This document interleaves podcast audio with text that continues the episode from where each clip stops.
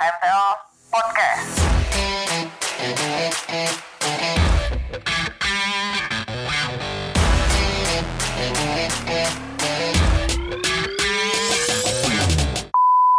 Halo, selamat datang di Ontel Podcast. Podcastnya Himpunan Mahasiswa Teknik Lingkungan UPN Veteran Yogyakarta. Bersama aku, Alindina, sebagai host podcast kali ini. Nah, podcast kali ini berhubungan nih sama acara Studium General tanggal 26 September 2020 kemarin yang mengusung tema Peran Teknik Lingkungan dalam SDGs dan Prospek Cemerlang di Era Global. Mantep gak tuh temanya? Nah, di podcast kali ini, narasumber-narasumber akan menjawab pertanyaan peserta yang belum terjawab pada waktu SG kemarin nih. Nah, siapa aja sih pembicara kemarin yang bakal menjawab pertanyaan kali ini? Yang pertama ada Bapak Insinyur Asep Acu Surahmat sebagai konsultan di You Said I Was Plus. Yang kedua ada Bapak Barakala SSI sebagai Blue Carbon Science Director Asia of Conservation International Asia Pacific Center for Natural Climate Solution. Dan yang ketiga ada Bapak Dr. Bambang Sukresno sebagai peneliti pengendaraan jauh kelautan di Balai Riset dan Observasi Laut Kementerian Kelautan dan Perikanan. Nah, keren banget kan pembicara-pembicaranya?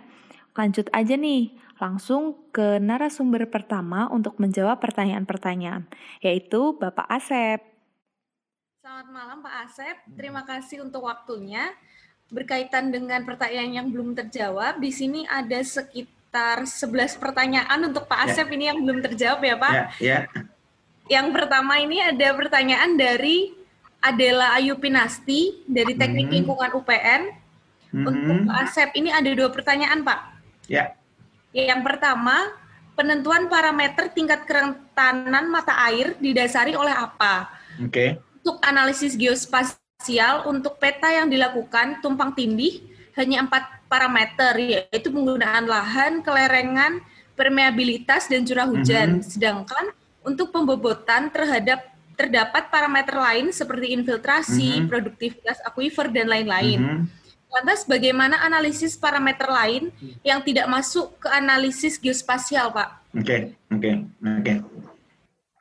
Jadi sebetulnya Geospatial analysis ini di awalnya kami cukup simpel, yaitu hanya penggunaan lahan, lereng, curah hujan, dan tata guna lahan untuk kuantitas. Justru ini ada input dari Pak Herwin kemarin pada saat mengerjakan uh, beberapa kegiatan di loka, beberapa lokasi, termasuk untuk kualitas.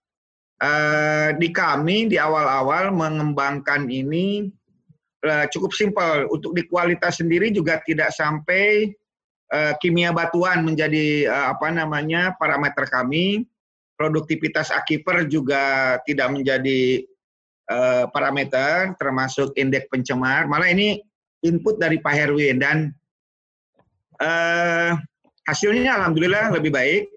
Hanya saja memang empat parameter apa beberapa parameter ini uh, masih perlu dikembangkan. Tetapi melihat dari data-data parameter yang dipakai itu kan masih bersifat uh, tidak bisa detail. Contohnya uh, tingkat curah hujan. Tingkat curah hujan kita akan sangat sulit mendapatkan data yang detail sehingga yang diambil adalah tingkat curah hujan yang regional. Sehingga pada kenyataannya di dalam satu lembar eh, apa namanya kriteria tersebut di dalam spasialnya hanya muncul satu atau dua dua kelas. Nah ini pun menjadi sebuah apa namanya kendala. Kami mencoba membreakdown menjadi lebih detail, tetapi di dalam hasilnya itu sangat sulit untuk membuat klaster yang bagus. Sehingga oleh kami dari beberapa parameter yang oleh awal dari awal itu dikumpulkan banyak-banyak, pendekatan kami untuk kuantitas hanya penggunaan lahan, lereng, curah hujan, lalu batuan, lalu eh, hanya empat kalau tidak salah. Nah, untuk kualitas juga sama. Kualitas juga eh, hanya sekitar empat. Nah, ini yang kami tampilkan justru, justru kemarin tuh ada masukan-masukan dari timnya Pak Herwin. Nah, jadi sebetulnya di dalam kriteria ini masih banyak kekurangannya, tetapi minimal untuk membuat klaster kerentanan per kelas ini sudah cukup. Sebagai contoh ya, kami juga kesulitan kemarin, misalnya membed, membuat bobot. Pada saat membuat bobot, untuk kuantitas dan kualitas agak di, harus dibedakan. Karena untuk bobot, misalnya di kuantitas, yang paling kami dominasi itu adalah bobotnya di tata guna lahan. Padahal, padahal bagaimanapun kondisinya parameter yang lain, kalau curah hujannya tidak begitu akurat, tidak akan menghasilkan uh, apa akurasi ataupun uh, representasi data yang baik. Tetapi pada saat karena tadi curah hujan itu hanya maksimum dua kelas karena memang sangat regional sehingga curah hujan tidak memberikan uh, gradasi warna. Untuk itulah kita memanfaatkan tidak curah hujan yang dominan tetapi lebih kepada kelerengan, aspek batuan, dan juga tata guna lahan. Nah, curah hujan kami turunkan bobotnya menjadi lebih kecil. Nah, ini kendala-kendala itu agak sulit ter, sebagai akibat dari kondisi kualitas data dari beberapa curah, terutama curah hujan, yang belum detail dan terlalu regional. Baik, parameter-parameter lain memang perlu sebetulnya dimasukkan, tetapi karena mohon maaf kualitas data di Indonesia ini sangat buruk. Jadi banyak sekali termasuk data curah hujan sebetulnya lebih kepada data-data data-data interpolasi dan ekstrapolasi.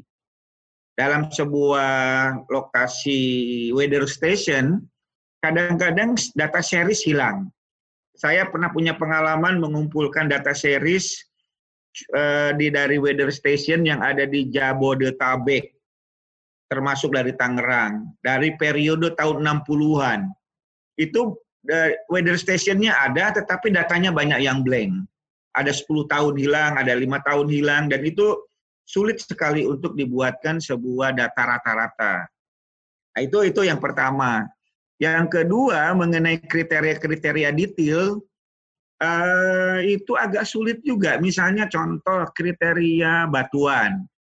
Batuan itu kan di dalam sebuah walaupun itu batuan vulkanik, satuan batuannya relatif sama, tetapi akan memiliki tingkat spesifikasi pada saat misalnya uh, batuan itu didominasi oleh tuf, oleh batuan abu vulkanis. Nah, semestinya aspek aspek daripada satuan batuan vulkanis subsatuannya TUF memiliki permeabilitas dan eh, eh, porositas yang berbeda. Tetapi karena kita sulit, sulit melihat data tersebut, akhirnya kita digeneralkan bahwa sepanjang batuan itu data ada batuan vulkanik yang termasuk dalam piroklasik dan sebagainya, di, di, diberikan bobot yang sama. Nah, tetapi Eh, menurut saya tidak akan menjadi sesuatu yang terlalu jauh eh, akurasinya karena dari hasil-hasil tersebut kita melakukan judgment expert, artinya kita melakukan verifikasi secara keilmuan tenaga ahli. Seperti contoh kemarin diskusi dengan Pak Herwin, ada beberapa tampilan hasil analisis kerentanannya itu lucu. Di, di ujung, di, di, di puncak gunung, yang notabene tata guna lahannya tidak ada, artinya masih eh, apa lahan terbuka walaupun belum ada pepohonannya karena itu kawasan eruptif. Di situ malah muncul tingkat kerentanan yang tinggi daripada di hilirnya. Nah ini kami diskusi dengan Pak Herwin juga akhirnya ada beberapa parameter yang harus ditinjau ulang. Jadi itu, jadi parameter-parameter yang ada ini adalah parameter-parameter yang menurut kami saat ini cukup representatif walaupun silakan teman-teman nanti menjadi di tanap teman-teman TL kalau ingin memperdalam ini untuk dikembangkan lagi lebih detail agar memberikan data yang representatif. Itu mungkin Mbak Alinda. Uh, mudah-mudahan udah dua-duanya terjawab ya Mbak Alinda. Iya Pak. Uh, okay. Ada pertanyaan yang kedua dari penanya yang sama. Uh -huh. uh, pertanyaannya, apakah terdapat perbedaan pengelolaan pada area dengan tingkat perbedaan kerentanan? Mhm. Contohnya pada daerah dengan kerentanan sangat tinggi dan sangat rendah. Mhm. Kriteria pembangunan sumur resapan apakah boleh dibangun pada area non permukiman dengan kelerengan yang tidak landai? Oke, Gitu Pak. baik. Eh, sebetulnya gini, eh, kelas kerentanan untuk menunjukkan tingkat urgensi. Walaupun betul dari tingkat kerentanan rendah, dia tidak memiliki direct impact menurunkannya di kuantitas suatu mata air. Tetapi eh, walaupun dari sisi misalnya akibat jarak, lalu akibat dari sisi tata guna lahan, sehingga dia memiliki tingkat kerentanan yang lebih rendah. Harap diingat eh, suatu kelas, suatu kelas ya, suatu kelas bisa saja itu pemukiman, tetapi karena parameter lainnya itu rendah, sehingga tingkat tingkat kerentanan semakin rendah. Padahal di mana pun tingkat kerentanan yang sudah dibangun pemukiman, pasti dari sisi debit berpengaruh 100%. Tetapi kan kita kalau misalnya punya empat parameter, yang tiga parameternya itu tidak begitu signifikan, itu akan menurunkan citra klaster tentang kelas kerentanan. Untuk itu, pendekatan sumur resapan sebetulnya tidak kepa, tidak melulu kepada kelas kerentanan. Jadi sumur resapan itu lebih didorong memang untuk lebih cepat dari sisi de, apa Pak, memasukkan air ke dalam tanah. Sepanjang kriteria teknis sumur resapannya bisa terpenuhi. Misalnya, yang pertama yang sangat seka, yang sangat diperhatikan di sumur resapan itu adalah proses penggalian sumur resapan tidak melebihi muka air tanah. Misalnya sumur resapan dibangun 2 meter, otomatis muka air tanahnya itu harus di bawah 2 meter. Ya, jadi kalaupun di situ tingkat kerentanannya tinggi tapi muka air tanahnya dangkal, sumur resapan tidak akan bisa menjadi sesuatu solusi. Sebaliknya, sumur resapan itu akan sangat baik kalau di kawasannya relatif uh, muka air tanahnya dalam dan potensi daripada daya resap dan daya permeabilitasnya adalah tinggi. Nah, aspek lain dari sumur resapan itu yang paling utama adalah uh, tingkat kelerengan. Artinya walaupun di situ di dalam peta kelerengannya ada sampai 45 derajat, tetapi kalau bentang alamnya cukup luas itu tidak menjadi masalah karena aspek lain yang harus diperhatikan pada saat batuan itu batuan beku, batuan vulkanis, dia akan memiliki slope stability yang cukup baik dibandingkan dengan topsoil ataupun subsoil. Jadi boleh, walaupun itu di situ kelasnya rendah, kita tanam sumur resapan. Walaupun itu tinggi, kita tanam sumur resapan. Tidak ada jadi masalah. Karena memang intinya sumur resapan itu ingin mempercepat debit. Walaupun kadang-kadang sumur resapan bertolak belakang dengan konservasi kualitas. Karena apa? Seperti di pemukiman, kita menanam sumur resapan, di dalam kawasan pemukiman tersebut cubluknya masih cubluk resap, otomatis akan mendilution, akan mengencerkan polutan-polutan dari cubluk untuk lebih cepat masuk ke air tanah. Sebetulnya agak kontradiktif di sini, tetapi kalau kita masih memiliki air walaupun tercemar, masih kita upayakan bisa dengan water treatment. Tetapi yang jadi problem utama, seandainya kita memiliki kualitas air yang banyak, tetapi debitnya kurang, nah itu masalah utama. Karena apa? Tidak akan bisa kita memenuhi kebutuhan manusia untuk memberi uh, apa? Untuk di, diberikan uh, pelayanannya oleh PDAM ataupun oleh masyarakat. Gitu. Jadi memang pengkelasan di sini tidak menjadi sebuah jaminan bahwa kalau kerentanannya rendah, sumur resapan tidak dimanfaatkan, tidak, atau tidak bisa dipakai, tidak. Karena sekali lagi kuncinya adalah misalnya empat parameter itu untuk menentukan tingkat kerentanan, bisa saja di tingkat pertama yang direct terhadap kuantitas itu sebetulnya tinggi, tetapi diperlemah oleh parameter-parameter lainnya. Itu Mbak Mbak Alinda. Okay. Baik Pak, terima kasih. Uh, untuk pertanyaan selanjutnya ini masih berhubungan dengan sumur resapan Pak. Mm-hmm. Pertanyaan dari Noradia Salsabila dari Teknik Lingkungan mm-hmm. UPN Veteran Yogyakarta. Uh, untuk pertanyaannya, Saya ingin bertanya, apakah khususnya pada daerah imbuhan dengan kondisi batuan yang lapuk, apakah sumur resapan dapat dibangun? Jika bisa, kriteria apa yang harus diperhatikan untuk membuat sumur resapan tersebut? Mhm, Oke, baik.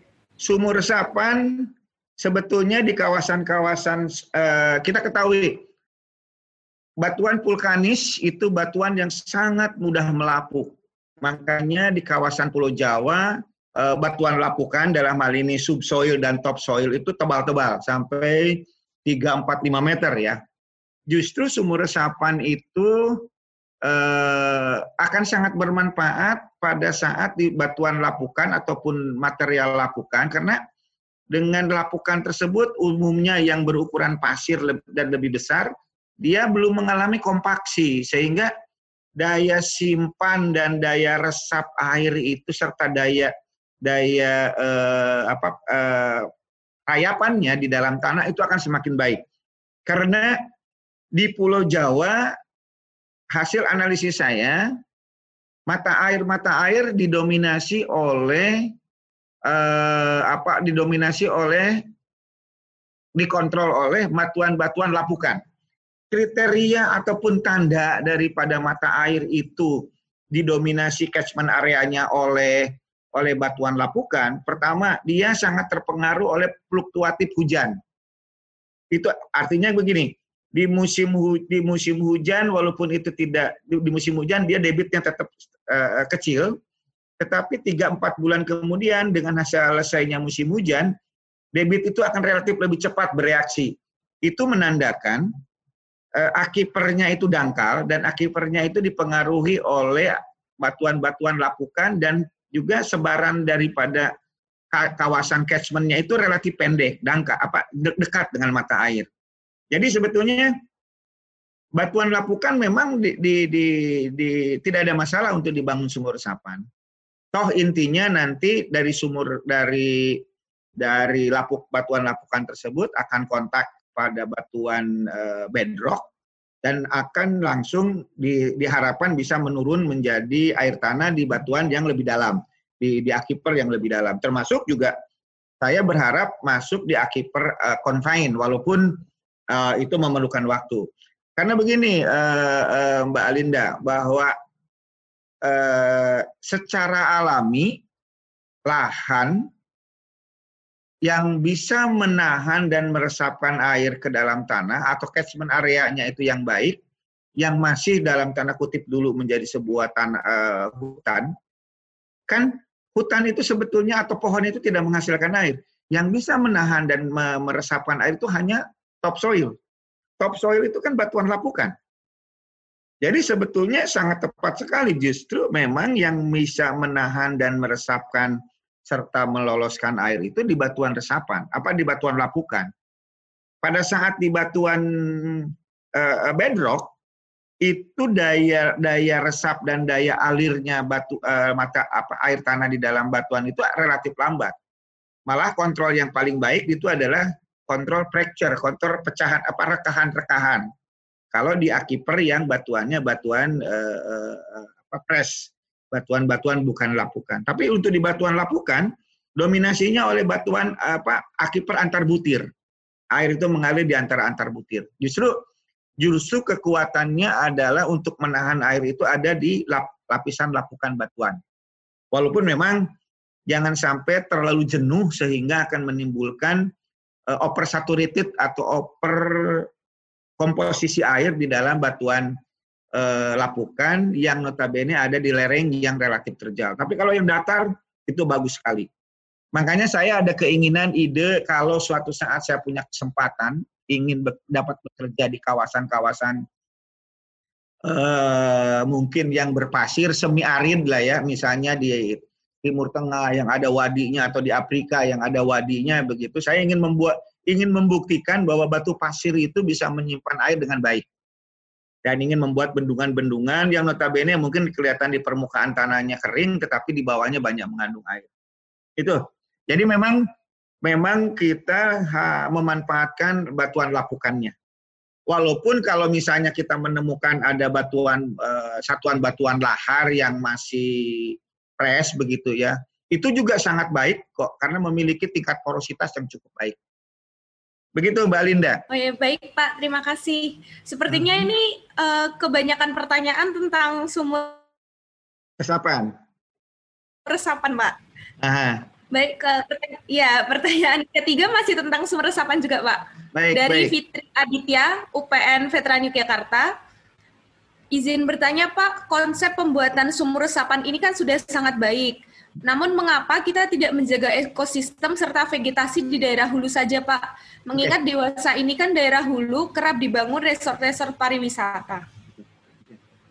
Uh, pertanyaan bagus dan justru ini yang menjadi selalu saya uh, apa ya berani mengatakan begini.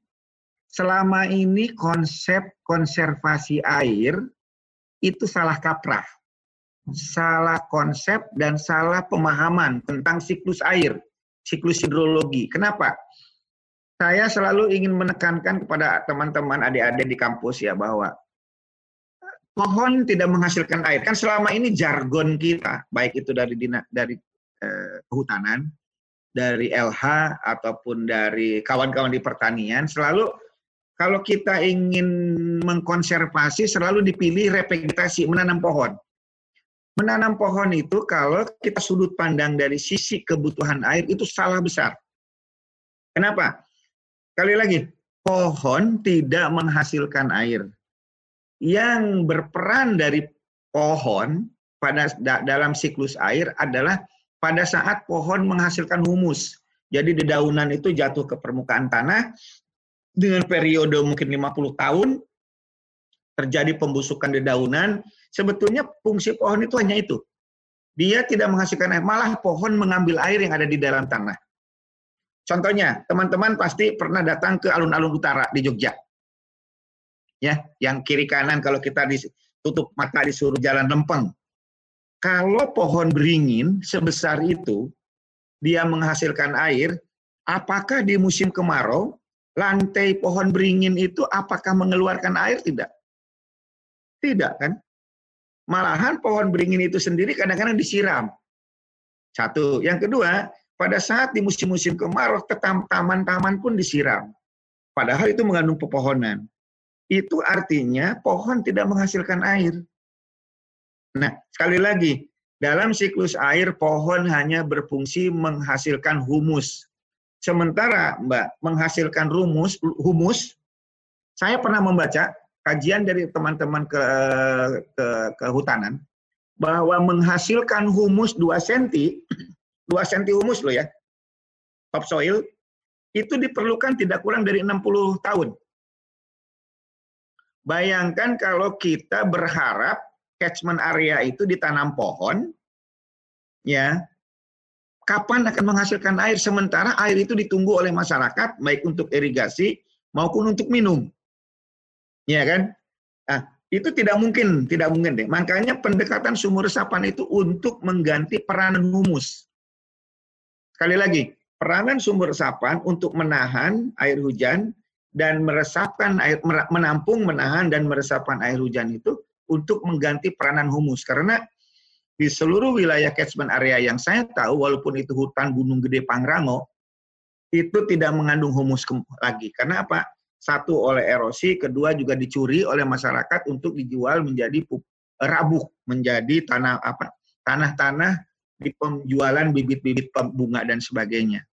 Jadi itu ya apalagi Mbak Mbak Alinda atau teman-teman adik-adik di TL kalau kita di kawasan-kawasan catchment area yang sudah dibangun menjadi kawasan wisata, resort dan sebagainya, terus kita memprogramkan menanam pohon atau menghutankan kembali, akan timbul konflik sosial.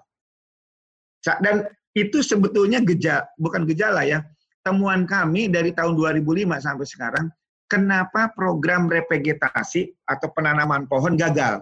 Karena apa? Bayangkan kawasan misalnya di daerah Sleman. Di daerah Sleman itu produksinya salak. Salak di, di, disuruh dihutankan, nggak akan berbuah salak. Pasti masyarakat akan menolak. Yang kedua, misalnya kawasan itu dari kawasan tanaman palawija sayur mayur. Di mana pun tanaman kentang, tanaman kubis, tidak boleh ada naungan. Sehingga pada saat kita mendorong di catchment area ditanami pohon, pasti ditolak oleh masyarakat. Nah itu, jadi sumur resapan itu sudah mempertimbangkan aspek sosial, ekonomi, teknologi, efektivitas, dan environment. Jadi sumur resapan itu betul-betul menjawab berbagai kendala yang saat ini menggagalkan progres program revegetasi atau penanaman pohon. Jadi yang pertama akibat salah konseptual tentang konservasi lahan dan air. Yang kedua adalah berbagai dampak e, konflik sosial, ekonomi, budaya, macam-macam. Sehingga sumur resapan adalah pilihan satu-satunya yang paling baik.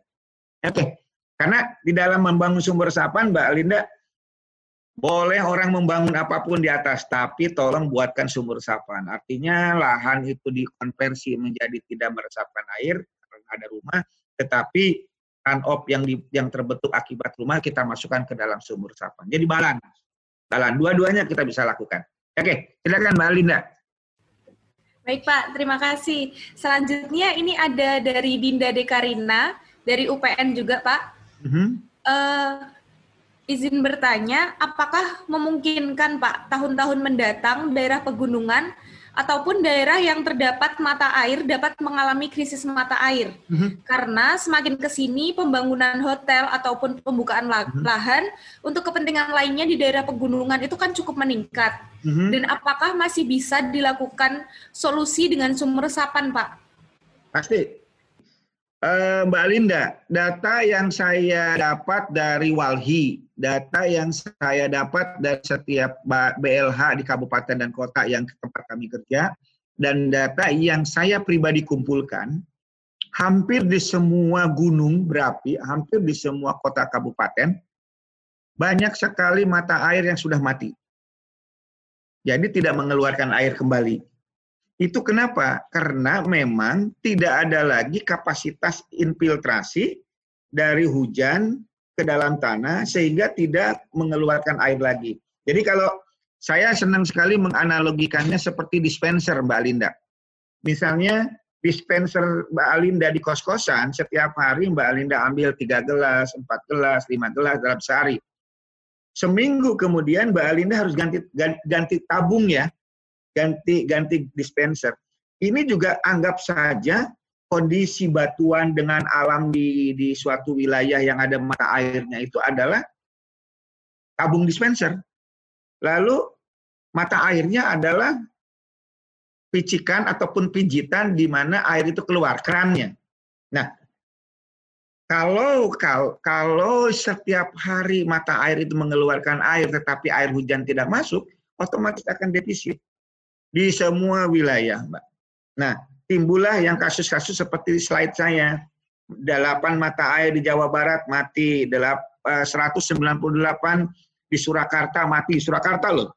Berarti di Solo deket ya, sejumlah mata air hilang di Jawa Timur, di Malang. Artinya, ke depan dengan tidak adanya konservasi yang tepat, tepat itu sesuai konsep dan sesuai teknologi, kita akan krisis air baik dari hulu sampai ke hilir. Tetapi sumur resapan saya, saya mohon maaf, saya sebagai orang hidrogeologi ataupun geologi, saya hakul yakin sekali dengan sumur resapan ini atau dengan teknik memasukkan air ke dalam tanah dapat menghidupkan kembali mata air. Dan ini terbukti. Di Pulau Ternate ada sebuah mata air yang telah mengalami penyurutan dan intrusi air laut sehingga tidak ada lagi biota ataupun ikan yang hidup. Lalu dibangun sumur resapan hanya sekitar di bawah 100 sumur resapan. Saat ini ikan mas itu hidup di kolam tersebut yang tadinya asin dan tadinya mematikan. Artinya itu bisa dilakukan. Satu. Yang kedua, si di Senjoyo, silakan di Senjoyo ke sana. Di situ dulunya itu ngedrop airnya, sekarang full lagi. Jadi itu sebagai bukti bahwa debit mata air bisa ditingkatkan dengan sumur resapan dan mata air yang mati yang saat ini kering, saya hakul yakin bisa di, di, dikeluarkan lagi airnya. Sepanjang ya bagaikan dispensernya Mbak Alinda yang tadi yang sudah kosong, dibolongin atasnya, masukin air dari atasnya, pasti kerannya dispenser Mbak Alinda akan mengeluarkan air lagi. Ya, Mbak Linda. Konsepnya sangat sederhana begitu menurut saya dan mudah dipahami. Uh, baik Pak, terima kasih. Untuk yang selanjutnya ini masih tentang sumber resapan lagi Pak. ya. dari Gregorius Octaviano dari okay. UPN juga Pak ini. Uh, apakah memungkinkan dibuatnya sumur resapan di daerah sekitar tambang yang curah hujannya sedikit dan mm -hmm. secara topografi sudah terpotong dengan void bekas tambang? Okay. Sehingga mata air di sekitar daerah tersebut sudah hilang. Lantas okay. bagaimana cara mengontrol kualitas airnya, Pak? Oke, okay. baik. Nah, ini menarik, menarik. Saya ya beberapa tahun jadi orang di, di mining ya begitu ya. Ini ini ini salah satu juga nanti kenapa saya di sesi berikutnya ingin bicara tentang post mining land use. Sebetulnya betul pada saat kita membuat cut and fill dari sebuah apa zona tambang, otomatis kita akan memotong air tanah. Baik itu air tanah unconfined maupun yang confined, terutama di kawasan-kawasan batuan sedimen. Nah, pada saat kita memotong eh, apa eh, tubuh apa muka air tanah, otomatis itu air tanah akan keluar ke jo, apa ke eh, pron apa pron mining ya, ke pron apa ke zona tambang lah begitu ya. Nah, pada saat itu kepotong dia akan ngedrop mata air apa air tanah tersebut. Nah, eh, pertim, sebet, di situ malahan sebetulnya tugas dari seorang KTT untuk melakukan dewatering. Dewatering itu memompa air dari front mining agar tidak menggenangi produksi ataupun alat-alat berat. Nah, eh, konsekuensinya dengan kondisi tersebut muka air tanah akan turun. Seandainya pun perusahaan tambang akan melakukan pengisian ulang terhadap akiper tersebut, eh, sebetulnya bagus, walaupun walaupun manfaatnya mungkin hanya 50% 50%. Toh intinya pada saat itu dewa, dimasukin ke dalam sumur resapan, masuk ke dalam lapisan akiper dan akan keluar kembali ke dalam uh, open pit. Jadi itu hanya mensirkulasi saja. Kalau saya, kalau saya bukan tidak bukan tidak membolehkan, menyarankan lebih baik sumur resapan di kawasan tambang, di kawasan zona tambang, apakah itu sirtu, apakah itu emas, apakah itu batu bara, tidak perlu sebetulnya eh, apa namanya membuat sumur resapan. Yang diperlu, yang kalaupun diperlukan masyarakat eh, sumber daya airnya di situ, lebih baik memanfaatkan open pit tersebut menjadi tampungan air hujan atau air permukaan. Hanya saja perlu dua aspek. Nanti kita bicarakan lebih detail ya di di sesi kedua. Open pit uh, apa namanya uh, uh, apa uh, prone mining itu dengan stratigraphic ratio-nya misalnya 111 itu akan menimbulkan gawir yang terjal. Nah, biasanya perusahaan tambang meninggalkan open pit itu bukan akibat by design, tetapi by accident. By accident itu begini, di dalam amdalnya pasti itu di situ dicantumkan akan backfilling, akan ditutup kembali dengan overburden dan akan dihutankan kembali. Tetapi case by case karena hitungan-hitungan ekonomis pura-pura di bawah tanah akan dibor apa akan ditambang lagi sehingga pada saat diting, ditinggal sementara datang hujan pit itu tergenang air menjadi danau. Nah, problem berikutnya ada dua. Yang pertama dari safety, dari security. Biasanya kalau danau itu sudah terlalu banyak dan luas, misalnya ada danau di Samarinda yang panjangnya bisa 3 kilo, dalamnya kurang lebih 250 meter. Terus mau dilakukan penambangan akan dipompa ulang itu impossible. Saya saya bisa mengatakan kepada company itu dia itu nakal. Ya, nah otomatis ditinggal kan, tidak mungkin ditambang, ditinggal. Nah, problemnya uh, slope slope slope-nya tambang itu sendiri terlalu terjal sehingga pada saat ada anak-anak renang, dia tidak memiliki zona yang transisi antara zona dangkal ke zona dalam. Sehingga dia pada waktu berenang langsung tenggelam dia. Makanya sampai detik ini saya menemukan beberapa kejadian di berita-berita di sekitar Samarinda, Tenggarong dan di mana-mana banyak terjadi anak-anak muda yang mati tenggelam di kawasan-kawasan bekas tambang. Nah, itu yang pertama dari security. Yang kedua dari sisi kualitas. Di dalam zona tambang batu bara, di situ mengandung banyak sekali mineral-mineral asam. Karena ada ada unsur H2S, ada di dalam batu bara, ada unsur uh, uh, sulfida dan hidrogen dan juga ada virit, kalkovirit. Nah, itu akan mengenerate air asam tambang. Nah, seandainya kita tidak memperhatikan perbandingan antara material basah dan lapisan basah dan lapisan uh, uh, apa namanya uh, asam, itu akan terjadi air asam tambang. Nah, pada saat kita ingin kalau kalau kalau di dalam amdalnya mengatakan bahwa open pit yang dari tambang A itu akan dijadikan tampungan, ini menurut amdal ya kesepakatan amdal, akan dijadikan kolam penampungan air baku untuk penduduk, mestinya itu dilakukan liner sehingga air hujan tersebut tidak terkontaminasi oleh air asam tambang. Nah, semua yang saya temukan di Indonesia, baik di Samarinda, Kalimantan Selatan, di Kalimantan Balikpapan, di Sawah Lunto, di Palembang, di Muara Enim, open pit itu sendiri kualitas airnya ngedrop pH-nya rendah sehingga dia tidak layak menjadi air baku. Nah ini isu-isu itu yang nanti kita didiskusikan di sesi kedua. Ya, jadi sebetulnya kalau untuk di zona tambang saya tidak begitu karena memang nanti akan di, akan dipotong air bak air muka air tanah itu dipotong oleh adanya uh, open pit itu sendiri. Apalagi yang tambang open case, tambang open case itu tambang yang ngambil terus tidak pernah tidak pernah di backfilling lagi, ya dia akan memberikan uh, kolam-kolam dan danau buatan uh, yang tidak mungkin akan di backfilling seperti tambang di Batu Kapur, tambang Sirtu, Eh, tambang-tambang tembaga, nikel itu biasanya akan membuat open case, jadi membuat lubang gitu ya. Nah itu mungkin Mbak Linda, mudah-mudahan nanti di sesi kedua kita bisa perdalam. Ya Pak, terima kasih. Uh, ini ada pertanyaan lagi dari hmm. Muhammad Bekti Aprianto ya. dari UPN Jogja. Hmm. Uh, ini langsung dua pertanyaan Pak. Ah, apa-apa. terkait contoh KKMA di Probolinggo. Oke, Untuk tancak.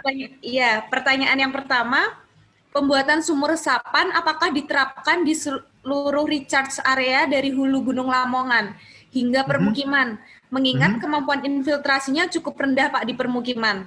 Mm -hmm. Yang kedua, secara kualitasnya kadar E. coli di mata air mencapai 100 Mhm. Lantas pengolahan seperti apa yang tepat mengingat masyarakat juga menggunakan untuk keperluan air minum, Pak?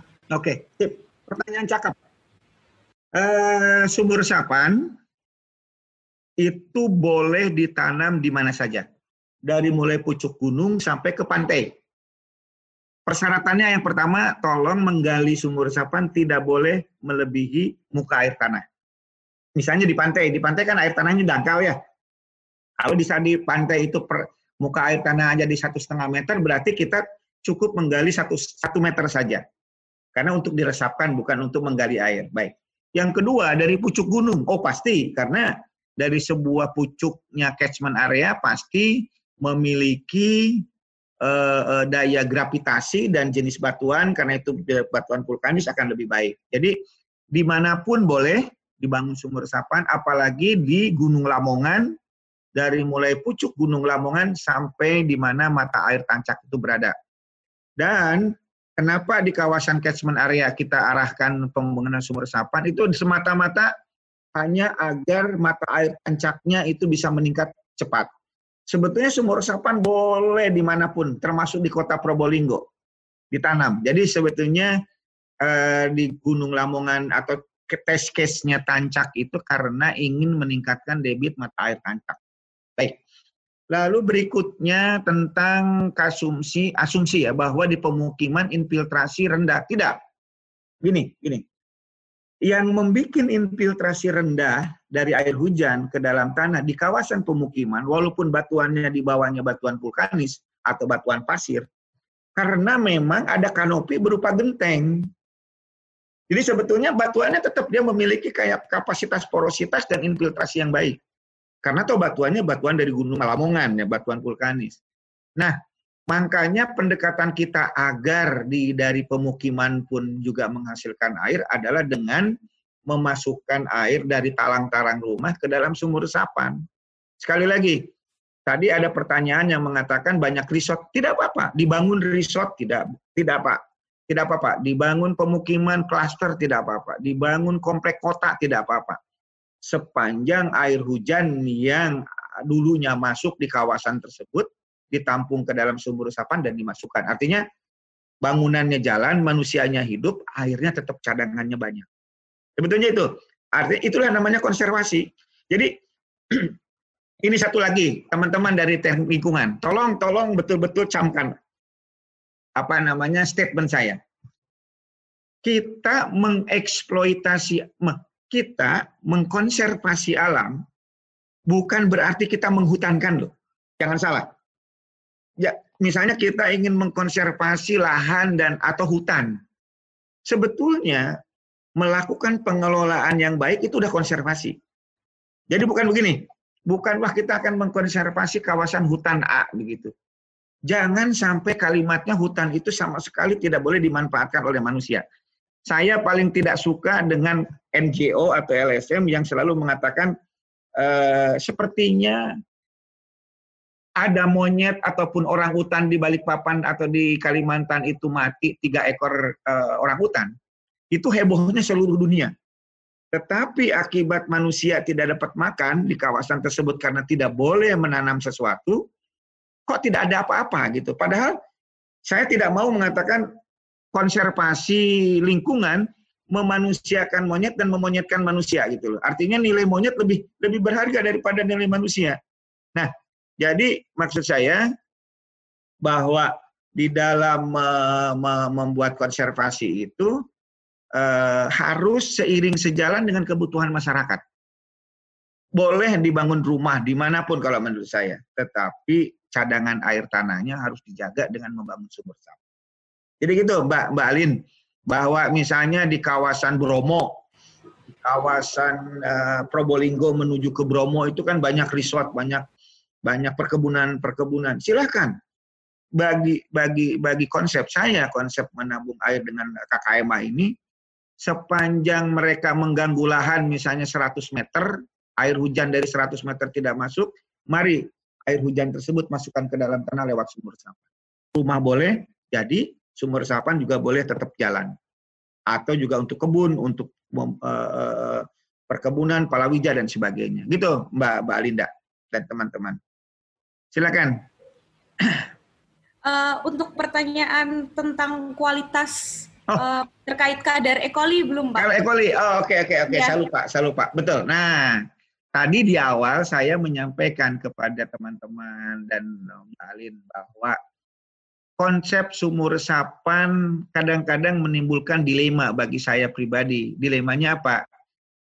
E, dengan kalau itu dibangun di pemukiman, otomatis air cadangan air tanah ataupun pergerakan air tanah di kawasan pemukiman itu akan semakin lancar. Kenapa?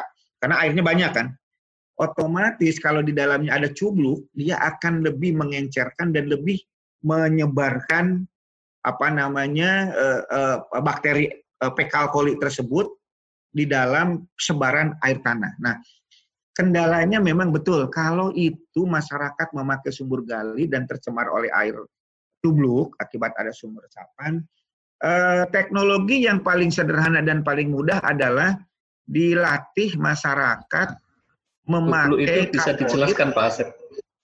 Iya Pak. Tublu itu mungkin istilah yang selain tublu itu apa? Oh, cubluk. Namanya cubluk itu apa? Oke, okay. uh, eh, cubluk itu yang... adalah toilet ataupun toilet resap ya. Jadi kalau teman-teman di kampung dulu kan orang membangun rumah selalu disiapin istilahnya toilet atau tempat pembuangan tinja, baik tinja duduk maupun tinja jongkok, apa eh, tempat duduk eh, BAB eh, jongkok ataupun duduk, dan selalu semua tampungan cubluk ataupun toilet tersebut tidak pernah disedot. Walaupun udah umur udah 20 tahun itu serumah tidak pernah disedot. Artinya semua cairan baik itu cairan tinja, cairan pem, apa plasing, plasing itu untuk yang menyiram Semprotan. itu kan mestinya dalam 20 tahun atau 10 tahun atau satu tahun saja itu penuh sehingga harus disedot. Nah, coba ditanya nanti teman-teman kalau sedang PKL atau sedang eh, KKN ya pada saat di suatu kampung teman-teman dari TL ditanya, Pak, Bu, Ibu punya toilet, punya, punya cubluk, punya misalnya. Eh, pernah disedot nggak? Oh pasti jawabannya gini, oh tidak deh, pasti Itulah teknologi yang kami punya dan bagus. Karena apa? Kami tidak pernah nyedot. Kan kalau pikiran oleh mereka itu tidak nyedot berarti uh, meresap dan tidak perlu keluar uang lagi. Tidak perlu ada import tambahan. Sebetulnya dari sisi sanitasi dan dari sisi sumber daya air, itu cubluk yang tidak pernah disedot itu adalah sumber penyakit, sumber polutan. Karena apa? Tinja, nanti saya bisa contoh hitungan, itu akan terkontam akan mengkontaminasi air tanah dan bakteri koli akan hidup di dalam air. Nah, dampak yang terkena pertama memang masyarakat yang mempergunakan sumur gali dan tidak memakai kaporit untuk membunuh bakterinya. Jadi pendekatan yang paling enak adalah melatih masyarakat bagaimana menambahkan uh, kaporit pada bak-bak penampungan air minum mereka atau air mandi mereka agar fekal koli dan bakteri-bakteri serta kutu-kutu airnya akan mati. Di dalam teknik water treatment metodologi bahwa kaporit itu fungsinya cuma satu, membunuh bakteri dan membunuh kutu-kutu air ataupun biota air. Nah, eh, memang agak ribet bagi masyarakat, tetapi itu wajib. Makanya kalau nanti teman-teman akan KKN di suatu kampung yang tidak memiliki cubluk sehingga mereka terkontaminasi airnya, tolong berikan teknis sederhana bagaimana memanfaatkan kaporit. Dan kaporit itu murah. Kalau tidak salah satu kilo hanya sekitar 500 perak atau 200 perak itu satu kilo. Sementara untuk satu lit satu satu kubik air mungkin hanya diperlukan 2 gram 3 gram. Murah sekali. Murah sekali. Saya saya di Tangerang kebetulan saya tidak tidak memakai air PDAM. Setiap mandi karena ada air tanah dan terkontaminasi, saya selalu gatal-gatal. Teman-teman kalau kadang-kadang habis mandi gatal dan itu kutu air ya. Tolong teman-teman supaya tidak terkena kutu air pada saat menampung air di bak penampungan, tambahkan Baiklin. Kalau teman-teman tahunya Baiklin untuk memutihkan baju ya, itu adalah kaporit silakan pakai. Dan bau Baiklin, tolong jangan takut. Bau kaporit, tangan takut. Justru kalau kita, sumber daya air kita, keran kita mengeluarkan bau Baiklin atau bau kaporit, tandanya bakterinya dijamin mati. Makanya ada standar di dunia water treatment itu bahwa minimal 0,02 ppm klorin harus ada di keran penduduk. Nah ini tantangan bagi teman-teman ETL karena banyak sekali di, di, di perkotaan banyak sekali orang yang tidak mau minum air PDAM, tidak mau dijadikan sumber air minumnya. Karena apa? Dia bilang ada bau kaporit dan itu racun. Betul, kaporit itu inisialnya racun. Itu gas hijau, gas kuning yang suka dipakai oleh tentara tentara merah Jepang untuk membunuh di dalam eh, metro di bawah di bawah kereta metro kaporit dikasih dengan H2 eh, dikasih dengan H2SO4 atau HSO4 itu akan menghasilkan gas kuning yang akan bisa mematikan hanya dengan ukuran detik. Itu yang dipakai oleh Nazi untuk membunuh di Auschwitz. Itu itu kaporit sebetulnya. Cukup satu butir sama dengan sianida. Sebetulnya sangat berbahaya. Nah ini. Tapi kalau kaporit itu dicampurkan di ke air dan dia akan terbuka, dia evaporable. Jadi bau kaporit itu akan senang akan sendirinya hilang setelah membunuh bakteri. Jadi kalau memang takut dengan bau, kalau itu ada dari PDAM, tampung dulu airnya, biarkan terbuka, nanti akan hilang.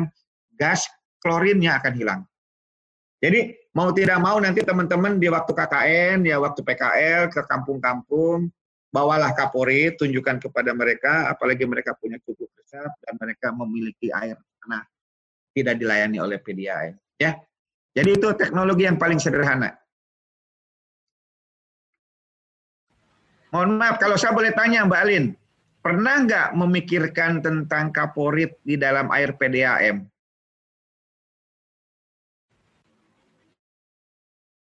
Mbak Alin. Uh, kalau setahu saya memang beberapa PDAM masih menggunakan kaporit ya Pak untuk harus. desinfektan. Desinfektan harus, itu tidak ya. boleh tidak. That is must be. Gitu. Karena justru tugas tugas PDAM itu adalah melakukan koagulasi, penjernihan, dan membunuh bakteri. Walaupun untuk standar air minum itu ada 49 parameter loh. Artinya ada empat termasuk uh, uh, bakteriologi, termasuk fisikal, termasuk chemical, termasuk pestisida, pesticide isusnya, dan termasuk zat-zat radioaktif. Tapi jangan haraplah di Indonesia. Di Indonesia cuma pH, koagulasi, aporit, uh, apalagi ya. Hanya itu, hanya enam parameter biasanya. Itu PDAM Indonesia. Ya, silakan next. Uh, sehubungan dengan penggunaan kaporit, Pak.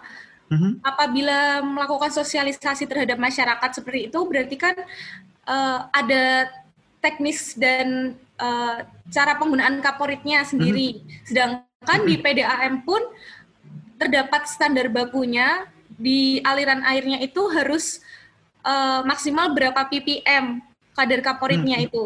Nah, sedangkan ya. kalau untuk di masyarakat masyarakat awam seperti itu kan lebih susah Pak untuk mengukur uh, jika saya punya air sepersekian liter saya harus menggunakan berapa seperti itu Pak. Sedangkan kan yes. mungkin untuk sosialisasi di masyarakatnya lebih susah seperti itu Pak. Oke. Okay. Nah, ini ada beberapa pendekatan Mbak Alin. Sebetulnya menentukan berapa konsentrasi kaporit yang dibubuhkan per liter, per liter atau per liter per detik ataupun per kubik itu memang harus berdasarkan analisis terhadap koloni kolipom dan E. coli. Dasarnya harus itu. Tetap, tetapi saya pribadi jujur saja tidak pernah menganalisis itu dan saya hanya ya ya misalnya dalam satu 200 liter atau 300 liter itu cukup satu tutup botol Baiklin. Dan dan dan pada saat setelah diaduk, jangan takut. Kaporit itu evaporable, artinya dia akan cepat keluar, akan cepat menguap. Jadi nanti kalau memang pada saat KKN itu kita bisa tahu, oh ini dilabkan dulu, oh ada sekian koloni kan kalau eh, kalau koli itu kan eh, bakteri itu kan dalam koloni ya. Oh sekian koloni, sekian gram. Nah, itu itu syukur-syukur. Tetapi sulit karena bagi penduduk paling-paling sehari diajari, diikutin, dua hari, tiga hari, empat hari berikutnya cuek aja dia. Main celuk, celuk, celuk gitu ya. Tapi nggak apa-apa. Kali lagi, sepanjang itu dibuat di dalam sebuah bak tampungan tidak ada masalah. Tidak akan menjadikan sesuatu yang racun.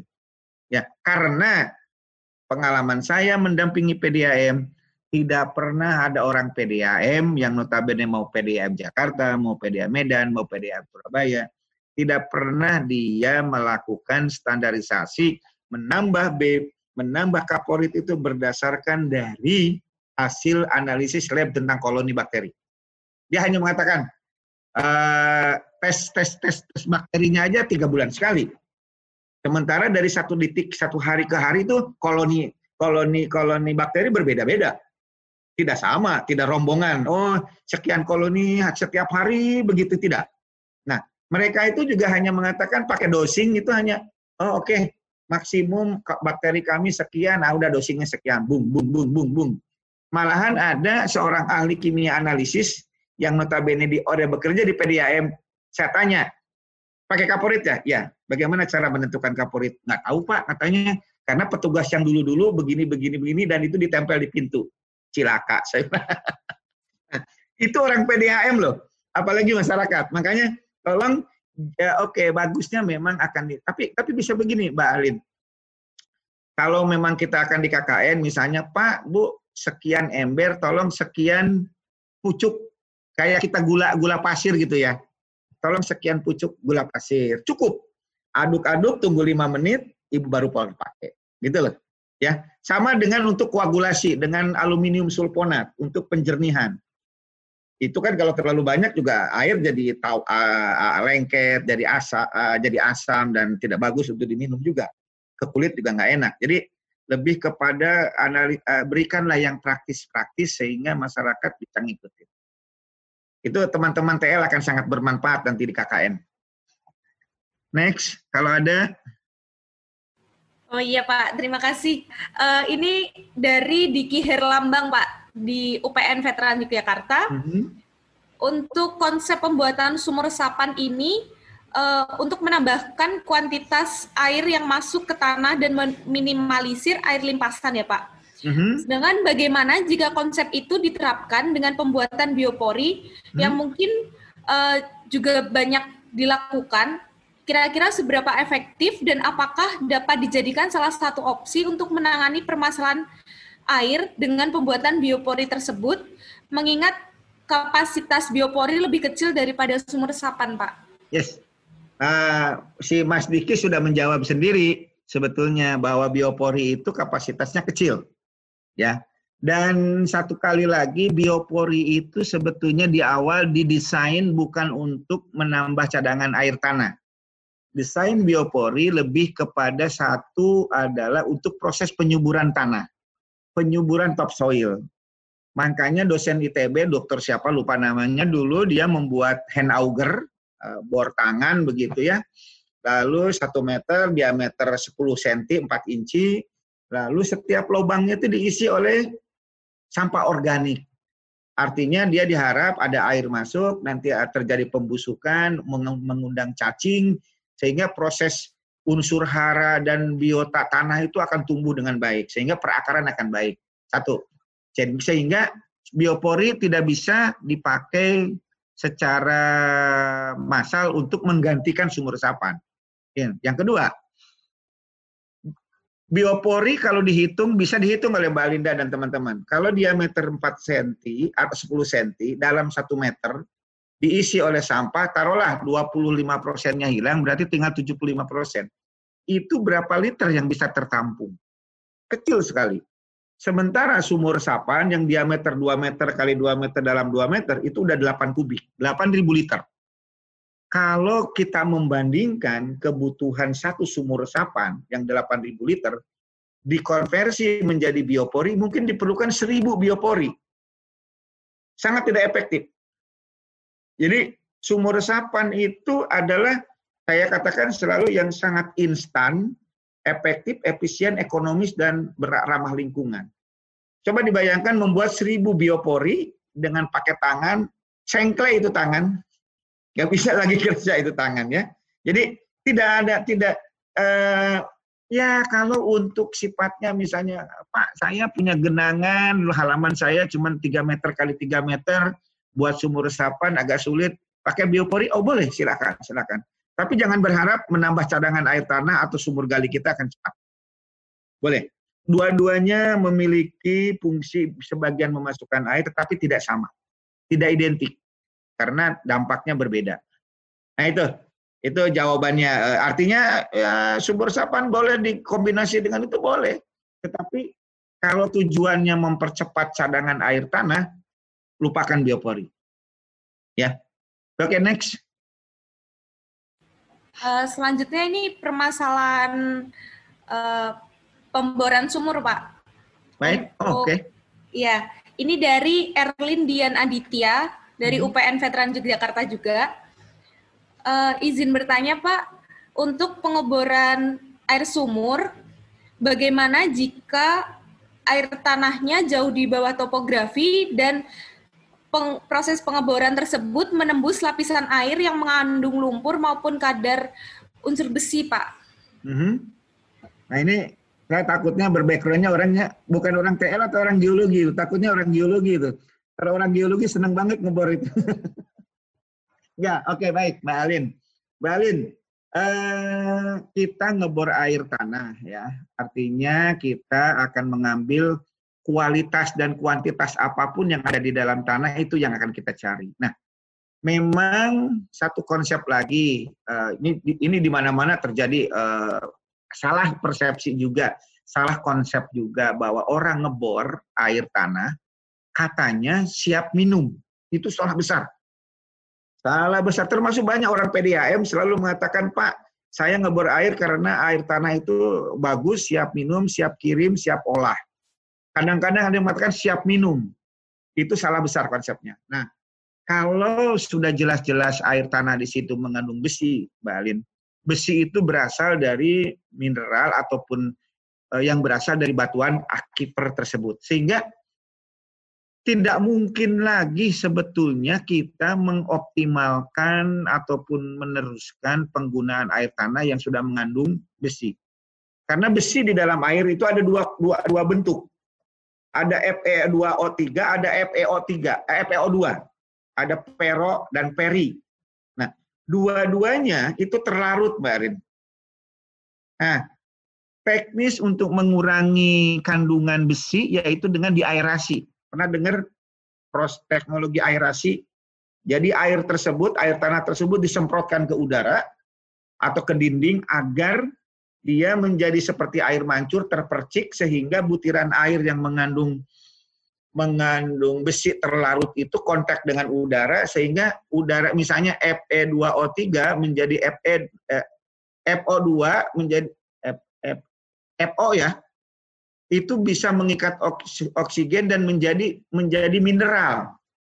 Makanya kalau di kawasan tertentu yang membuat aerasi itu biasanya ada endapan besi yang berwarna kuning atau coklat.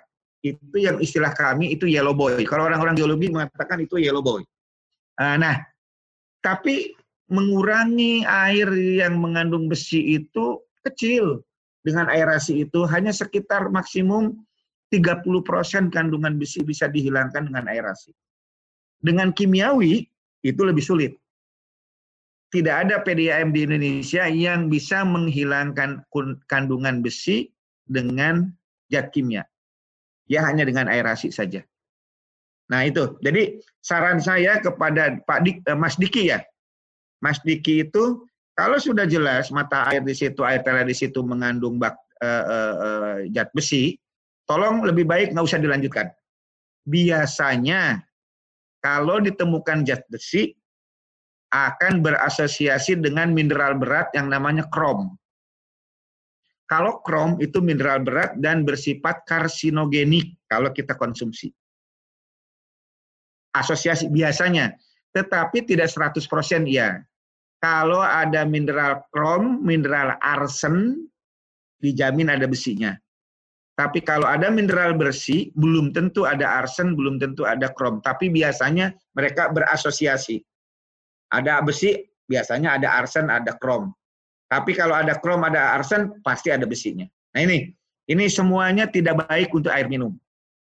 Ya, teknologinya juga mahal sekali. Paling yang untuk menghilangkannya dengan destilasi. Wah, bikin bayangin. Tahu kan proses destilasi dipanasi, airnya uapnya ditampung, yang bagikan kita di laboratorium kimia ya. Untuk tes gitu kan ya lebih baik beli aqua lah kalau gitu. Atau beli beli air. Lebih baik lebih baik memakai air sungai sekeruh apa pun. Saya mengatakan daripada memakai air tanah yang banyak mengandung mineral lebih baik pakai air sungai sekeruh apa pun. Kita biasa bisa pakai aluminium sulfonat apa tawas untuk menjernihkan dan kita bisa pakai klor untuk mematikan bakteri. Dan itu layak minum. Ya, Balin. Nah, mudah-mudahan ini ini menambah wawasan teman-teman orang TL karena memang orang TL mau, mau tidak mau akan berkecimpung di situ. Silakan. Ya Pak, uh, untuk yang selanjutnya ini sudah ke arah uh, ke, ke keringan air ya Pak. Eh, ini -hmm. pertanyaan dari Novia Devi dari UPN Pak. Mm -hmm terkait dengan kerentanan air yang ada di Indonesia, khususnya hmm. di daerah Kars yang sering mengalami kekeringan, Pak. Hmm. Apakah ada solusi dari IUWAS Plus atau Good Practice yang dapat diterapkan untuk mengkaji bagaimana penanganan kerentanan air yang ada di daerah Kars seperti Gunung Kidul? Dan bagaimana pendapat uh, pendapat Bapak mengenai water reclamation yang sekarang mulai dikaji, Pak? Water reclamation? Iya. Di Gunung Kidul? Iya, Pak. Kalau menurut saya, untuk melakukan konservasi air di kawasan Kars, lebih baik pindah kampung kalau saya. Karena begini, Mbak Alin. Begini, gini. Kars itu kan memiliki impermeabilitas yang uh, antar butir yang ya boleh dikata kosong. Uh, di Kars itu air hanya bisa melewati diaklas-diaklas dia kelas dia kelas itu fracture-fracture yang uh, pemotongan-pemotongan yang uh, rekahan-rekahan di cars. Nah, dia kelas tidak bisa menahan air. diaklas itu akan menjadi lebar pada saat terjadi pelarutan atau dilution ya. Nah, tetapi kalau di atasnya itu sudah tidak ada lagi topsoil, air di atas kars itu tidak bisa di tidak bisa di, di apa namanya ditahan, tidak bisa dikonversi. Makanya sekali mengganggu hutan di atas kars, selamanya hutan itu tidak akan tumbuh lagi. Akan kalaupun tumbuh hanya satu dua tiga biji begitu ya. Nah untuk itu dampaknya terhadap air. Kalau saya jujur aja, mungkin kemarin teman-teman yang mudah-mudahan udah dengar kasus yang di Semen Indonesia ya Pak Pak Herwin yang di Rembang ya.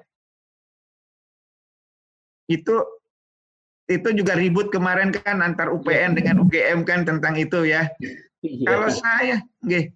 Kalau saya sependapatnya pokoknya kalau memang itu akan ditambang tambang aja. Tidak akan kita bisa meng, tidak akan kita bisa mengkonversi air gua, air-air yang be, kan di dalam kars itu kan air bawah tanah, apa sungai bawah tanah. Bagaimana kita membendung yeah. membendung sungai bawah tanah? Tidak mungkin. Jadi jadi saya mohon maaf, saya orang konservasionis banget ya ingin men, men, menjaga. Tapi kalau kita bicara di atas kars, kalau memang kita sekali ingin mengganggu, ya udah di, di lebih baik di, di, dipindahin orangnya.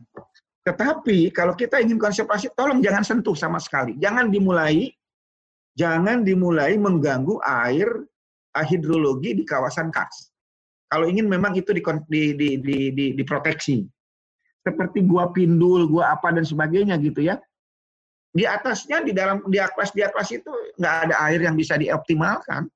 Dia akan jatuh menjadi sebuah volume air sungai bawah tanah Eh, dan mengalir entah ke mana, yang jelas ke laut selatan, dan kita tidak bisa mengaturnya, tidak bisa memanagenya, tidak bisa mengelolanya. Dulu dulu zamannya saya kuliah tahun 80-an sekian, ada ide dari Pak Harmoko mau membendung salah satu eh, gua di Gunung Kidul untuk disedot dan disedot ditarik ke permukaan untuk air permukaan, air air minum. Eh, kos produksinya sangat tinggi karena kedalaman 500 meter, bayangkan kedalaman 500 meter berapa berapa kapasitas pompa dan tenaga listriknya. Sehingga menurut saya kalau memang di kali di di di di, di Gunung Kidul masih ada air, buatlah embung-embung yang lantainya di liner atau mungkin ada batu atau ada bendungan. Mungkin masih ingat ada Gua Bribin Pak Asep. Ah, Gua Bribin. Gua Bribin itu memang salah satu gua yang sungai bawah tanah yang memang di dibendung gitu Pak Asep. Ya. Jadi dia eh, pembendungannya ada di kedalaman sekitar 20 meter dari permukaan. Nah, hmm. tapi yang memang fluktuatif airnya itu. Ya, ya. Itu ya. ada dua, ada dua, satu Bribin, satu lagi apa ya? Saya lupa waktu itu uh, memang dibendung tapi ya anu, apa namanya musim kemarau ya tetap aja kering. Ya. Cost dan cost dan benefitnya tidak seimbang ya kan Pak Herwin ya. Artinya dengan kita ya. membendung dan menyedot hanya dengan debit kecil akhirnya ekonomisnya tidak ada. Kalau saya sih sebetulnya kalau dimungkinkan ada lahan yang luas dan ada sungai pada waktu musim hujan itu eh, misalnya berair cukup banyak, uh, dibuatkan dam tetapi bawahnya di liner di, di, dibuat sebuah yang kedap sehingga tidak ada diaklas yang membocorkan air. Tapi itu pun itu pun tetap tidak bisa tidak nilai ekonomisnya akan rendah. Karena apa?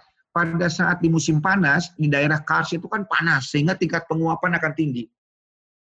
Sehingga pemanfaatannya juga akan sangat terbatas. Jadi kalau Gunung Kidul itu mau surplus air ya mau tidak mau ya harus kerjasama dengan wilayah lain misalnya kan Wonosa uh, Wonogiri kan lebih tinggi ya. Mungkin dari bendungan Gajah Mungkur bisa ditarik perpipaan air bersih untuk kawasan Wonosari dan sebagainya. Lebih baik air permukaan deh kalau di kawasan Kars. Sumur sapan wassalam keras, tidak bisa digali itu Kars. lebih baik di blasting, dikirim ke pabrik semen, nah udah jadi pabrik semen aja lah. gitu. Bangga Balin, apa lagi Balin? Oh iya Pak, uh, terkait bendungan di daerah Kars sendiri Pak, kan kalau di da uh, kalau daerah Kars kan memang banyak dia kelas dan banyak rongga-rongga di bawah hmm. permukaan. Sedangkan hmm. kalau tadi di bendung uh, aliran sungai di bawah permukaan sendiri, apakah tidak rentan uh, dengan proses solusional yang ada di Kars sendiri Pak? Mm -hmm. Apakah uh, untuk pemenuhan kebutuhan airnya, bagaimana jika uh, tiap rumah itu mempunyai tampungan sendiri-sendiri, apakah itu lebih efektif dan efisien dibandingkan harus membuat suatu tampungan komunal seperti itu, Pak? Oke, bagus. Sebetulnya iya. Dan saat ini kan yang dikembangkan oleh masyarakat kan mereka membuat uh, gentong besar ya, ya di setiap rumahnya itu kan yang dari tembok ya. Itu menurut saya lebih baik dan lebih ekonomis serta lebih sehat. Karena pada prinsipnya air hujan itu air yang bersih ya entah itu ada isu uh, hujan asam dan ah itu lupakanlah.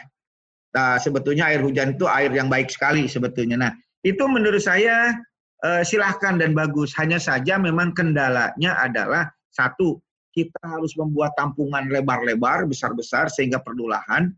Yang kedua, kita pun harus memiliki talang air yang banyak sehingga volume air yang tertampung akan banyak. Dan fungsinya itu cukup hanya untuk air minum. Karena kan air air minum dibanding dengan mandi ya ya mandinya seminggu sekali gitu ya. Tapi minumnya kan tiap hari kan gitu ya. Jadi memang dilema di kawasan itu tapi dengan menampung air itu cukup uh, bagus. Saya sependapat dan setuju sekali dengan membuat uh, uh, apa uh, tabungan-tabungan berupa tampungan-tampungan air di permukaan tanah yang dibuat dari tembok ya sehingga dia akan uh, bagus. Setuju saya. Lebih baik itu. Lebih baik itu tapi yang lebih baik lagi suruh pindah aja deh ke Klaten yang di situ datar banyak airnya gitu kan atau Taman Solo gitu kan. Daripada berputar di situ gitu kan repot setiap tahu apa setiap seumur hidupnya gitu kan. Monggo Mas Ambalin. Oh iya Pak, terkait water reclamation yang tadi Pak. Kalau untuk secara oh. generalnya sendiri itu uh, apakah saat ini sudah cukup banyak dikaji dan uh, diaplikasikan di masing-masing daerah atau bagaimana Pak menurut Bapak? Saya malah agak sedikit rancu dengan water reclamation itu apa sebetulnya? Uh, seperti konservasi air seperti itu Pak. Konservasi air? Conservation, water conservation bukan? Oh, water conservation mungkin ya. Oke. Okay. Ya itu tadi yang kita diskusikan bahwa water conservation di kawasan Kars misalnya ingin mengkonservasi su, uh, sungai bawah tanah di kas, saya menurut saya uh, kalau tidak dimanfaatkan untuk apa gitu ya? Misalnya, misalnya kita memasukkan menampung menampung air hujan lalu masuk ke dalam diaklas diaklas dan jatuh ke sungai bawah tanah. Sungai bawah tanah itu sendiri kan tidak bisa diam, dia langsung masuk ke kawat ke bawah laut yang menjadi kolumnar uh, kolumnar fresh water di bawah laut. Sehingga menurut saya itu mubazir. Ya, malahan kalau water conservation yang dimaksud itu adalah seperti Mbak Alin tadi sampaikan, menampung air hujan, masukin ke dalam bak penampungan yang tertutup, dan itu bisa dipakai untuk air minum, itu malah yang namanya water conservation. Dan itu yang saya setuju. Daripada membuat bendungan, memasukkan air ke dalam gua-gua begitu ya, kalau sekali kita masukin ke dalam diaklas tidak akan pernah kita bisa pakai lagi itu air air tanah tersebut. Karena sekali lagi air tanah itu nanti masuk ke dalam diaklas, diaklas bergabung menjadi eh, air bawah tanah, ah, sungai bawah tanah, sungai bawah tanah akan lari ke bawah laut di laut selatan. Jadi tidak akan bisa dimanfaatkan, Mbak Alin. Gitu, Mbak Alin. Uh, baik Pak, terima kasih. Uh, mungkin bisa kita lanjutkan ke pertanyaan selanjutnya, Pak. Uh -huh. Ini dari Nauvalin Akbar Fauzia uh mhm. -huh. dari TLUPN juga, Pak. Baik. Pertanyaannya, uh, saat ini kan global warming terus terjadi ya, Pak, sehingga okay. menyebabkan volume air laut itu terus meningkat. Ah, baik. Nah, apakah uh, ada upaya-upaya untuk mengelola air laut yang bisa menyelamatkan krisis air bersih sendiri, Pak. Sehingga air laut yang berlimpah ini bisa kita olah dan kita manfaatkan untuk kebutuhan air bersih seperti itu, Pak. Oke. Sebetulnya tanpa global warming, tanpa climate change, memanfaatkan air laut sebagai air minum bisa dilakukan seperti di Arab, tetapi problemnya high cost. High cost. Untuk di Indonesia, mohon maaf, saya tolong buang ide untuk mengelola ataupun tuh buang jauh-jauh ide keinginan untuk water uh, osmosis proses ataupun distillation proses memanfaatkan air laut untuk air minum, kecuali di pulau-pulau terpencil. Boleh, atau di kapal pesiar, silakan. Tetapi untuk di kawasan pulau-pulau yang masih luas, masih uh, punya sungai, masih punya hutan, lupakan memanfaatkan air laut. Kenapa apa? Karena yang saya tahu di Arab Saudi sendiri hasil destilasinya masih terasa garamnya itu. Masih terasa. Artinya tidak betul-betul seperti air hujan dan air tanah kita. Nah, eh, global warming itu justru kalau dari sisi sumber daya air adalah merugikan karena apa dengan uh, sea level rise itu atau menaiknya muka air laut itu satu akan menimbulkan abrasi ke pantai-pantai, yang kedua akan menimbulkan rob ya yang di Semarang, Surabaya dan mana-mana. Nah, rob nah intrusi air laut atau pencemaran air tanah oleh air laut di pantai-pantai tidak semata-mata akibat water intrusion atau akibat akibat tekanan air laut yang semakin besar karena kita overpumping, tidak. Kebanyakan juga akibat rob. Kan rob itu kan uh, uh, tanah datar yang relatif uh, rendah, lalu air laut masuk, tergenang dan meresap. Jadi mau tidak mau si air tanah itu uh, walaupun tidak disedot oleh dipompa, dia akan masuk ke dalam dan menjadi air payau. Nah, itu salah satu dampak dari what, uh, sea level rise atau meningkat meningkatnya muka air uh, laut. Uh, dampak lain adalah kalau fasilitas-fasilitas itu terbuat dari besi, misalnya mobil yang terendam air dan sebagainya, ataupun instalasi PDAM, pipa-pipa dengan adanya air akan terjadi korosi, koros, apa korosif, dan sehingga akan mubajir. Nah, jadi uh, uh, akibat pemanasan global menimbulkan seawater apa sea level rise untuk mena, me, me, membantu menangani water crisis di Indonesia menurut saya tidak ada relevansinya ya tidak ada tidak ada manfaatnya lah begitu ya oke okay. next ya, Mbak Linda Oh iya Pak, ini sudah pertanyaan terakhir Pak. Nah, Alhamdulillah. Iya, tapi satu orang ini ada dua pertanyaan Pak. uh, ini dari Siti Rohanawati dari ITS. Okay. Ada dua pertanyaan Pak. Yang pertama, bagaimana cara penyelesaian ketika akan memanfaatkan sumber mata air di suatu desa untuk air baku produksi PDAM? Ya. Akan tetapi masyarakat sekitar menolak untuk bekerja sama, mengingat Baik. warga sekitar mayoritas memang memanfaatkan sumber air tersebut secara langsung untuk kebutuhan sehari-hari. Baik. Untuk yang kedua, adakah impact positif atau negatif selain dari penurunan gas rumah kaca akibat blue carbon, terutama pada aspek ekosistem sekitar, Pak? Oke. Okay. Nah, kalau yang tentang blue carbon mungkin ke Pak Barakala ya. Uh, walaupun sebetulnya blue carbon itu kan uh, isunya adalah kalkulasi karbon dari laut karena ada istilah blue-nya. Tapi kalau dari hutan kan green carbon dan sebagainya ya. Tapi uh, saya dulu pernah di project ESP. ESP itu dari 2005, 2005 sampai 2010 tentang mengisukan bagaimana menghitung Eh, kalau kita menanam kawasan lalu berapa pohon dihitung jadi sekian ribu ton karbon. Dari situ nanti kita akan dapat payment dari Uni Eropa tapi kenyataannya tidak terjadi ya saya kadang-kadang kami dulu di Gunung Gede Pangrongo mengisukan ini ini ini ke masyarakat setelah masyarakat tanam pohon mau mencairkan dana karbon itu tidak terjadi juga akhirnya ditebangin juga pohonnya gitu jadi itu memang teoretikalnya seperti itu tetapi tidak seperti mudah itu. Tapi mungkin itu nanti ke Pak Barakala lah kalau yang itu.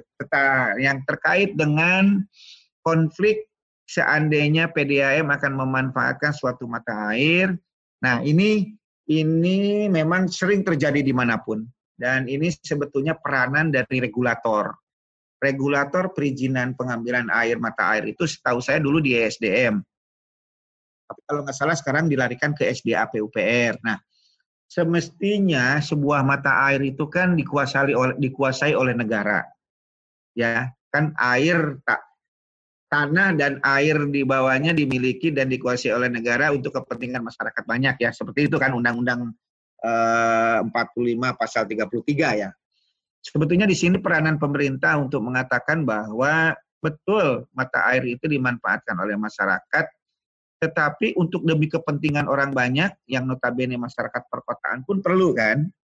Sebetulnya bisa dibuat win-win solution. Win-win solutionnya begini, kalau masyarakat di sini memanfaatkan air selama ini, sisanya akan dipakai oleh PDAM, mestinya ada sebuah jaminan dari regulator dan PDAM seandainya mata air itu dipakai oleh masyarakat, oleh PDAM, masyarakat masih tetap 100% memiliki akses terhadap sumber daya air tersebut. Artinya begini, bisa saja yang selama ini masyarakat pakai selang-selang gitu ya di uh, ke rumah-rumah. Kalau memang PDAM mau pakai, ya biar aja PDAM membuat instalasi di situ dan dia akan memberikan kontribusi bisa gratis kepada masyarakat yang mata airnya dipakai. Ya kan? Berapa sih orang yang hidup di sekitar mata air di kawasan agak-agak gunung itu sedikit kok. Dan memang itu sampai saat ini ironinya tuh ada sebuah mata air yang saat ini juga saya lakukan. Kadang-kadang kita ngomong ke masyarakat, eh mari kita jaga mata air A, sementara masyarakatnya hidup di agak di hulu ya, di, di atas mata airnya. Demi kelancaran dan sustainability dari mata air. Sementara mereka sendiri tidak memakai air. Tidak memakai mata air itu. Makanya bilang, ngapain katanya saya membuat konservasi sumur resapan, Pak? Kalau yang diuntungkan PDAM, sementara saya tidak pakai mata air PDAM, dan PDAM tidak pernah memberi air ke saya. Nah, ini di sini sebetulnya peranan pemerintah untuk ya tadi ya 100 100 SDGs bla bla bla bla dan sebagainya itu ayo dong eh, eh, kalau masyarakat kota memerlukan air, PDAM memerlukan air, masyarakat di atas banyak airnya dibuatlah sebuah regulasi, dibuatlah jaminan. Karena sekali lagi, suplai air bersih dan air minum itu hak ajasi manusia yang negara wajib memenuhinya. Kalimatnya wajib memenuhinya loh. Bukan bukan ah terserah dia ngambil sendiri karena tobat. Tidak. Wajib memenuhinya air bersih atau air minum yang layak. Bukan air minum saja, tapi air yang layak. Nah, yang layak definisinya selalu dikatakan harus perpipaan, adanya pengolahan dengan kalklorin, adanya pengolahan dengan kejernian dan sebagainya. Sesuai dengan Permenkes 492 tahun 2001 apa ya 2 uh, maaf ya 2001 2001 tentang parameter air minum. Nah itu Balin artinya uh, menurut saya kalau konflik pasti terjadi, tetapi sebetulnya kalau PDAM-nya punya niat baik, government-nya entah itu dinas kesehatan, entah itu dinas LH, entah itu dinas Bapeda, Pemda dan sebagainya, bisa dong memberikan win-win solution. Kenapa? PDAM juga milik Pemda. Masyarakat, masyarakat Pemda juga kan. Artinya kenapa kok timbul konflik gitu loh ya. Dan yang paling parah apa? PDAM selalu rugi. Ah itu apalagi itu. Oke, itu mungkin Balin apa yang bisa saya apa sharekan kepada yang dari ITS ya. Mudah-mudahan dia akan terus berikut uh, diskusi dengan kita dan kita buatlah diskusi rutin ya, mungkin tiga bulan sekali, dua bulan sekali, diskusi isu-isu uh, banjir, isu-isu uh, Semarang, Surabaya, Jakarta, Kudus, pokoknya Pantura ada. Itu empat problemnya sama dengan Jakarta. Ada intrusi air laut, ada banjir, ada kekeringan, ada land subsidence. Itu obatnya cuma satu, adalah pembuatan sumur resapan. Obatnya cuma satu. Walaupun mungkin tidak direct, tetapi itu yang akan memberi solusi long term. Ya, oke. Okay? Mudah-mudahan itu bisa membantu teman-teman yang menanya. Terima kasih yang bertanya. Artinya eh, penjelasan saya kemarin didengar sehingga bisa dipertanyakan gitu kan. Saya juga senang dan se sejujurnya saya ingin memberikan sebuah background kepada teman-teman mahasiswa TL bahwa isu lingkungan tidak sesederhana seperti yang mungkin sedang dipikirkan oleh teman-teman. Tidak cukup hanya membangun IPLT, tidak cukup hanya membangun water treatment facilities, tidak cukup hanya kalau di industri membangun apa itu uh, waste uh, waste management uh, facilities tidak. Luar biasa sangat sangat serius. Ya baik. Mudah-mudahan semangat bagi teman-teman TL mahasiswa-mahasiswa TL. Baik Pak Asep, terima kasih hmm, atas waktunya untuk menjawab pertanyaan-pertanyaan yang mungkin dari uh, studium general kemarin belum terjawab, Pak. Ya. Semoga pertanyaan ini bisa menjawab pertanyaan teman-teman sekalian, Pak. Baik, terima kasih. Uh, Baik, terima kasih kepada Bapak Asep atas jawaban-jawabannya. Yang selanjutnya uh, kita beralih untuk pertanyaan-pertanyaan untuk Bapak Barokala ya. Untuk pertanyaan dari Igusti Ngurah Krishna, um, sinergi pemerintah dan masyarakat terkait mangrove rehabilitasi, rehabilitation gitu ya. Uh, sebenarnya isunya bukan cuma di mangrove, uh, pengelolaan mangrove, tapi di banyak isu sepertinya uh, upaya desentralisasi menjadi satu tantangan utama di mana kita bisa melihat inisiatif dari pemerintah nasional yang ditranslasikan menjadi turunan di subnasional dan juga impact ke uh, local level dari baik dari project ataupun local community.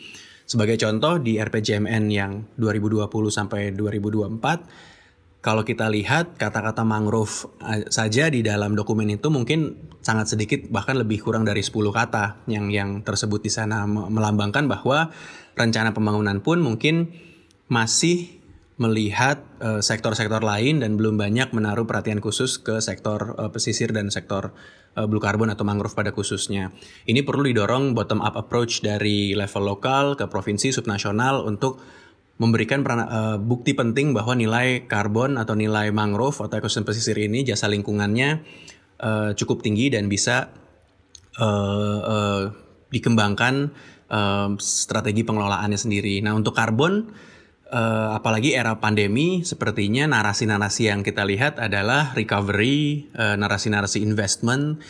Uh, oleh karena itu banyak rekan-rekan dari NGO yang juga mengerjakan uh, yang namanya natural capital accounting atau melihat valuasi dari kapital lingkungan untuk kemudian bisa mengembangkan semacam business framework kalau memang ada intervensi investment ataupun intervensi uh, community based microfinancing yang memang dikembangkan untuk kemudian bisa diintegrasikan dengan skema-skema pengelolaan yang uh, ada. Kira-kira begitu. Terima kasih.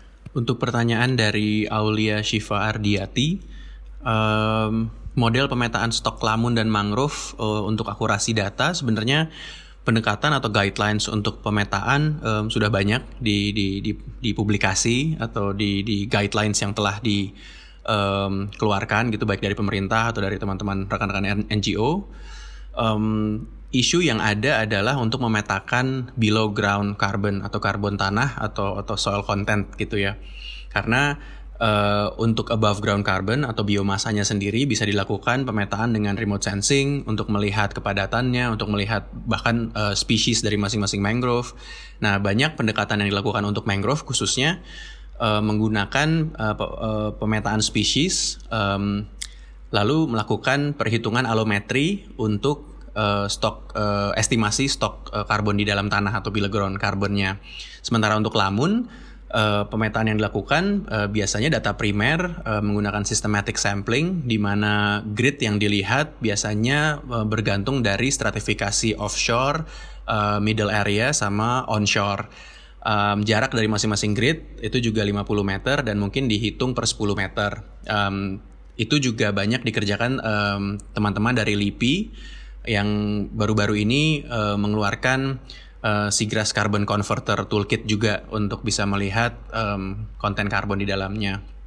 Untuk pengaruh pasang surut terhadap stok karbon, ini berkaitan langsung uh, terhadap carbon flux atau perpindahan karbon itu sendiri dari uh, satu carbon pool ke carbon pool lainnya. Nah, Carbon flux ini uh, akan berpengaruh ke tingkat sekwestrasi atau penyerapan karbon. Jadi pengaruh pasang surut terhadap stok karbon pasti ada, pasti tinggi. Jadi uh, biasanya untuk mangrove sendiri dibedakan ada estuarine karbon, ada uh, sorry, um, estuarine mangrove, uh, riverine mangrove, oceanic mangrove. Jadi untuk membedakan um, geomorfologi dari masing-masing ekosistem pesisir ini. Terima kasih. Terima kasih Pak Barokala atas jawabannya. Selanjutnya uh, kita masuk ke narasumber ketiga ini untuk Bapak Bambang. Mungkin ada sedikit pertanyaan juga untuk Bapak Bambang. Mungkin bisa dijawab ya Pak. Untuk pertanyaan dari Erlin Dian Aditya. Kalau misalnya dibuat peraturan dilarang melakukan uh, sumur bor, bagaimana masyarakat memperoleh air bersih? Jadi pada intinya untuk mengatasi hal tersebut, kuncinya adalah pada manajemen sumber daya air. Sebetulnya wilayah Indonesia ini sudah diberi anugerah berupa melimpahnya sumber daya air, di mana Indonesia memiliki dua musim. Di satu sisi kita memiliki musim kemarau, namun demikian kita juga memiliki musim penghujan yang sumber daya airnya sedemikian melimpah. Namun demikian pada saat ini sumber daya air yang sedemikian luar biasanya itu belum terkelola dengan baik sehingga curah hujan yang mestinya bisa dijadikan sebagai sumber air bersih untuk masyarakat itu masih dibiarkan mengalir begitu saja dan kembali ke laut. Bahkan pada beberapa wilayah yang tidak terkelola dengan baik, sumber daya air ini bahkan menjadi musibah berupa genangan maupun banjir. Jadi saya kira untuk memenuhi kebutuhan masyarakat akan air bersih, kuncinya adalah pada pengelolaan sumber daya air yang didapat melalui air hujan. Ada beberapa teknologi maupun manajemen yang bisa diterapkan, bisa berupa bagaimana caranya agar sumber daya air ini bisa ditahan di bagian hulu dan kemudian dimanfaatkan untuk kepentingan masyarakat. Uh, bagaimana teknisnya, bagaimana teknologinya, saya kira beberapa narasumber yang lain telah memaparkan uh, manajemen dan pengelolaan sumber daya air secara efektif dan efisien. Namun demikian intinya adalah bagaimana kita bisa mengelola sumber daya air itu menjadi sumber daya yang bermanfaat. Dan ini harus menjadi perhatian kita semuanya, baik pemerintah maupun masyarakat serta uh, stakeholder yang lainnya. Demikian menurut kami. Uh, terima kasih. Terima kasih untuk Pak Bambang atas jawaban-jawaban pertanyaannya. Uh, karena pertanyaan yang belum terjawab di SG kemarin kayaknya udah dijawab semua nih. Jadi Uh, mungkin podcast kali ini bakal berakhir di sini. Jadi terima kasih buat pendengar setia Ontel Podcast yang udah dengerin Q&A dari Sweet Stadium General 2020. Terima kasih. Sampai ketemu lagi di podcast selanjutnya.